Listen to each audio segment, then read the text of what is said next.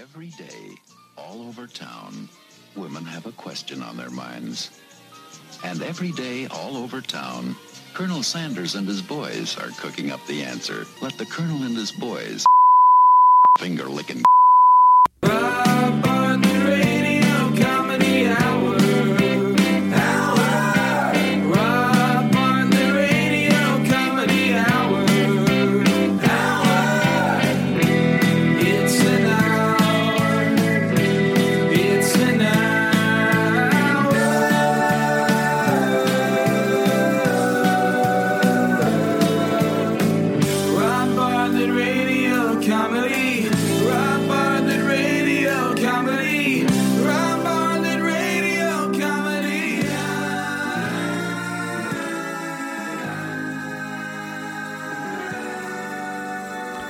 Welcome to the Rob Bartlett Radio Comedy Hour. I am Rob Bartlett. This is my Radio Comedy Hour. Tonight, boys and girls, we celebrate the jewel in the QSR crown. What is QSR, you ask? The Quick Service Restaurant, otherwise known as the fast food joint. Now, the French fry is the most ordered item in the fast food firmament, followed closely by the Big Mac, but that's only because McDonald's is the most popular fast food restaurant because there's a billion of them across the world. Fried chicken is the third most popular item, specifically the fried chicken sandwich. However, Chick fil A is only the eighth most popular fast food restaurant in the world, behind Starbucks, Subway, Wendy's, Burger King, Taco Bell, and Dunkin' Donuts. KFC is number 13. Thir fucking teen. But now, I think they may just be moving up a few notches with their latest creation. It's a chicken sandwich, but not just any chicken sandwich. It is a chicken sandwich, the invention of which should be placed alongside that of the wheel, the microchip, and the little white doily hats that go on lamb chops. Now, the chicken sandwich has earned its place in the comestible universe as a tasty alternative to the burger. It spawned restaurants specifically dedicated to it, like the aforementioned Chick fil A, which I have to say I don't recommend for many reasons. One, they're okay. Not worth the wait by any stretch of the imagination. Uh, I've never been to a Chick fil A either inside or on a drive through where I didn't have to wait at least 20 minutes to get my food. It's not worth the wait. Number two, it's run by born again Christians, which means you can't get one on a Sunday. I'm sorry, but if I'm going to get a chicken sandwich, I want it available when I want it. Popeyes is open seven days a week, and the drive through is usually open late yet there are only 20 on the list. And we're going to examine why that might be in just a little bit. But Chick fil A, Chick fil A, not to put too fine a point on it, blows because we don't want to patronize any company that has a negative policy towards gays. A philosophical and moral decision, although I hate to admit if the sandwich was actually as good as they profess. I'm sorry, but I would probably have to pray to Judy Garland for forgiveness. What can I say? I'm weak. There's a southern chain, relatively new. It's called PDQ, found in mostly uh, Florida, I think, but one just opened here in New York on Long Island. They they offer chicken nuggets, tender salads, and the sandwich, just like Chick Fil A, but it is such a vastly superior product. If there is a God, even if he is partial to Chick Fil A because of their stance on him, he too would be forced to admit it is a far superior sandwich because a it's marinated in buttermilk. Two, it has a breading that has an amazing amount of flavor. There's more than the Colonel's 11 herbs and spices. There's got to be 40 or 50 things going on in there. But thirdly, you can get a PDQ chicken sandwich in a meal that includes tater tots. Tater tots. And it's one of the few fast food restaurants that offer Cheerwine, which is the most amazingly delicious cherry soda you've ever had in your life, which sadly, which sadly, we're not all that familiar here up north in New York. But when you get to thinking about it, then again, it, it took us a while to get behind the concept of sweet tea.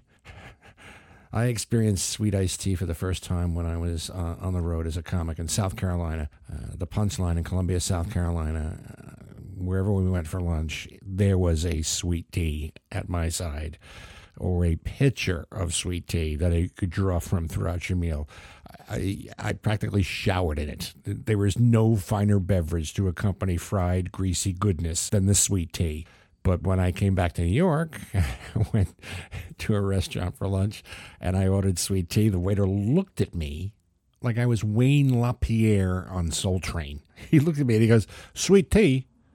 Put some fucking sugar in it. How would I say? How would you like to sink your greedy little choppers into some delicious eating chicken? Recently, Popeyes introduced a spicy chicken sandwich. Their brilliant marketing department came up with this thing and they sold it out in 15 days of its debut. As we record this podcast, it is still not available. The hype sold it out, and now it's you can't get it anywhere. Uh, there have been actual recorded violent acts associated with people who were incensed at the concept that they could not purchase a Popeyes chicken sandwich. Now they're still waiting for it to come back, which is genius. Because when you think, why is it taking so long? It's not like chickens have become extinct. No, it's the old supply and demand. Let that demand build up and then just squeeze out the little bit of supply so you can charge up the ass for it. As subtle as a hand grenade in a barrel of oatmeal. And when it comes to all things chicken, you have to pay proper respect to the Colonel. Kentucky Fried Chicken was the first, and some might say the greatest, of all chicken fast food enterprises. The 11 herbs and spices are the stuff of legend. A closely guarded secret that, I am proud to say, I know. I can't tell you how I know or where I found out, but I'm going to give you the secret recipe the 11 herbs and spices. Got a pencil? Two cups of white flour. Add two thirds of a teaspoon of salt, half teaspoon of thyme, half teaspoon of basil, third of a teaspoon of oregano, one teaspoon celery salt, one teaspoon black pepper, one teaspoon dried mustard, four teaspoons paprika, two teaspoons garlic salt, one teaspoon ground ginger, and three teaspoons of white pepper. Now cut I say cut that out, boy. Now, KFC, in my humble opinion, boys and girls, they should be awarded a special designation in the annals of fast food history because they are a company who brought us just a scant 10 years ago a, a stroke of genius, a fast food item called the Double Down.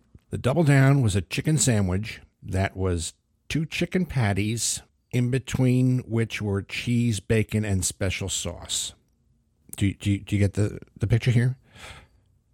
A chicken sandwich that used the actual chicken patties as the bread. This is this is a thing of beauty, and as far as I know, it's never been replicated. Now, when it left, I mourned its absence. I, I hope that it would become akin to the pumpkin spice latte slash McRib concept of marketing, which dictates it's only available for a limited time. But since its debut, the double down has gone the way of the wind. But now, Kentucky Fried Chicken has raised the bar to a point that I suggest will not be surpassed, quite possibly, in our lifetime.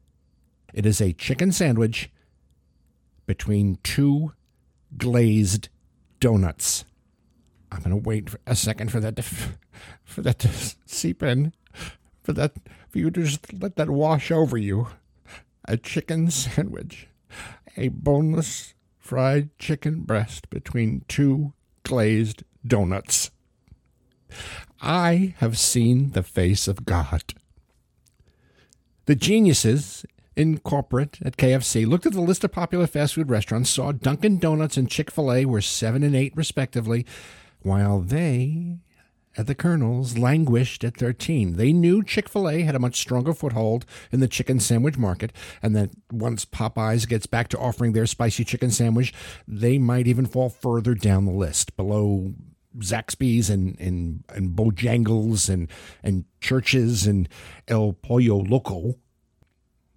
But necessity is indeed the mother of invention, boys and girls, because out of this chicken challenge, somebody in the Colonel's R&D department had a eureka moment. There were already waffles and chicken. Chicken and waffles is an acceptable southern entree that's been offered at the highest Michelin star rated restaurants in the world. There's a restaurant in New York City, uh, in Manhattan, lower Manhattan on Gansevoort Street, Bubby's, which features chicken and pancakes as the most popular item on their menu. But nobody thought to go from waffle to pancake to donut. Donuts and fried chicken. The result? is being offered in Raleigh and Norfolk and Pittsburgh, and I may have to take a road trip if they don't get these up north pretty damn soon. I cannot deny myself the comestible bliss that is a fried boneless chicken breast between two glazed donuts. Now, is this as far as it's going to go?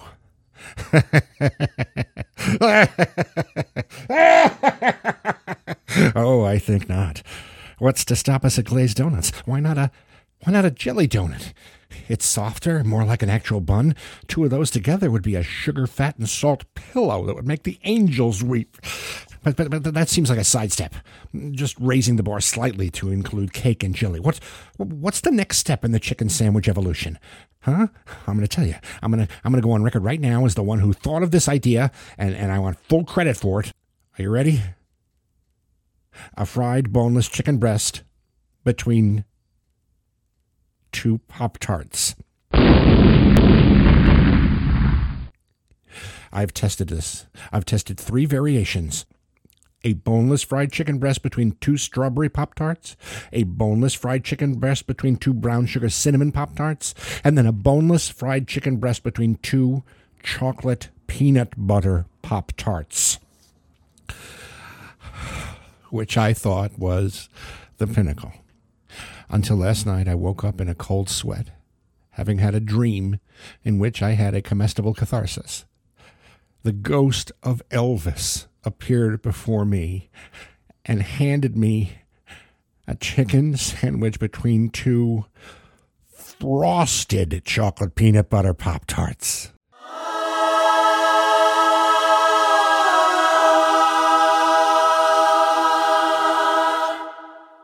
I claim complete ownership. I'm going to get a patent because when Popeyes finally starts selling their chicken sandwich again and KFC enters the battle with their donut chicken sandwich, when the battle is over and the victor stands upon the vanquished, I will emerge and crush them under my batter dipped boots with the frosted chocolate peanut butter pop chicken tart sandwich.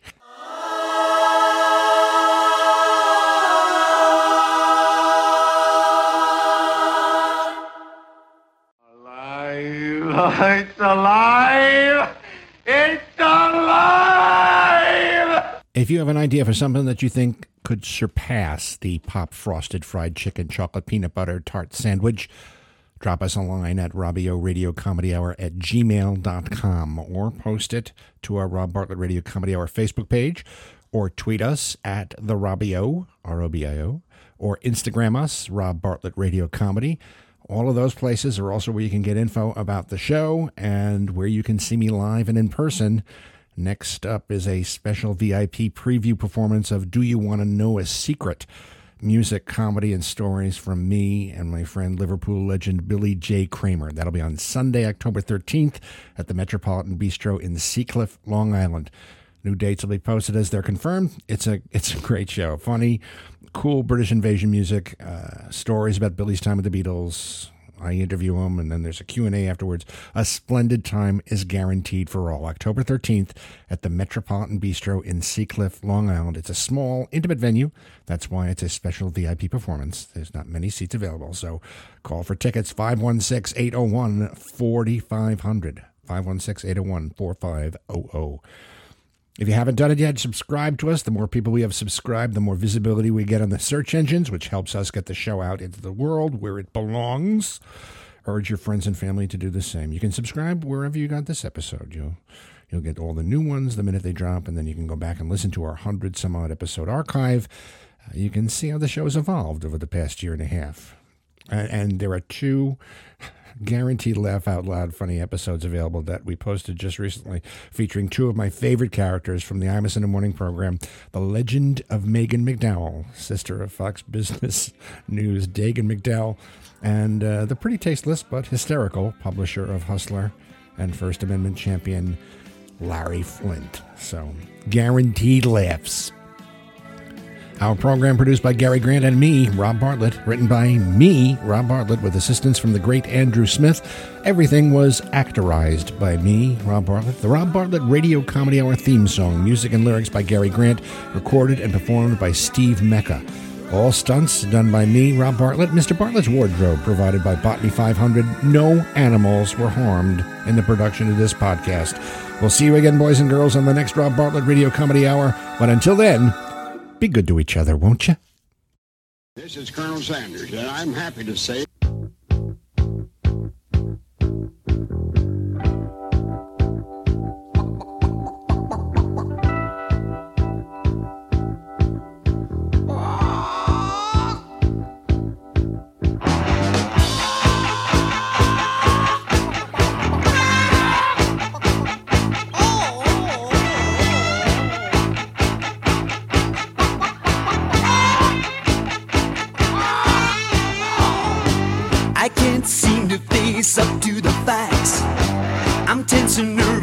I can't relax.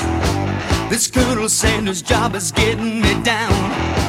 A crazy chicken chasing me all over town. Psycho chicken.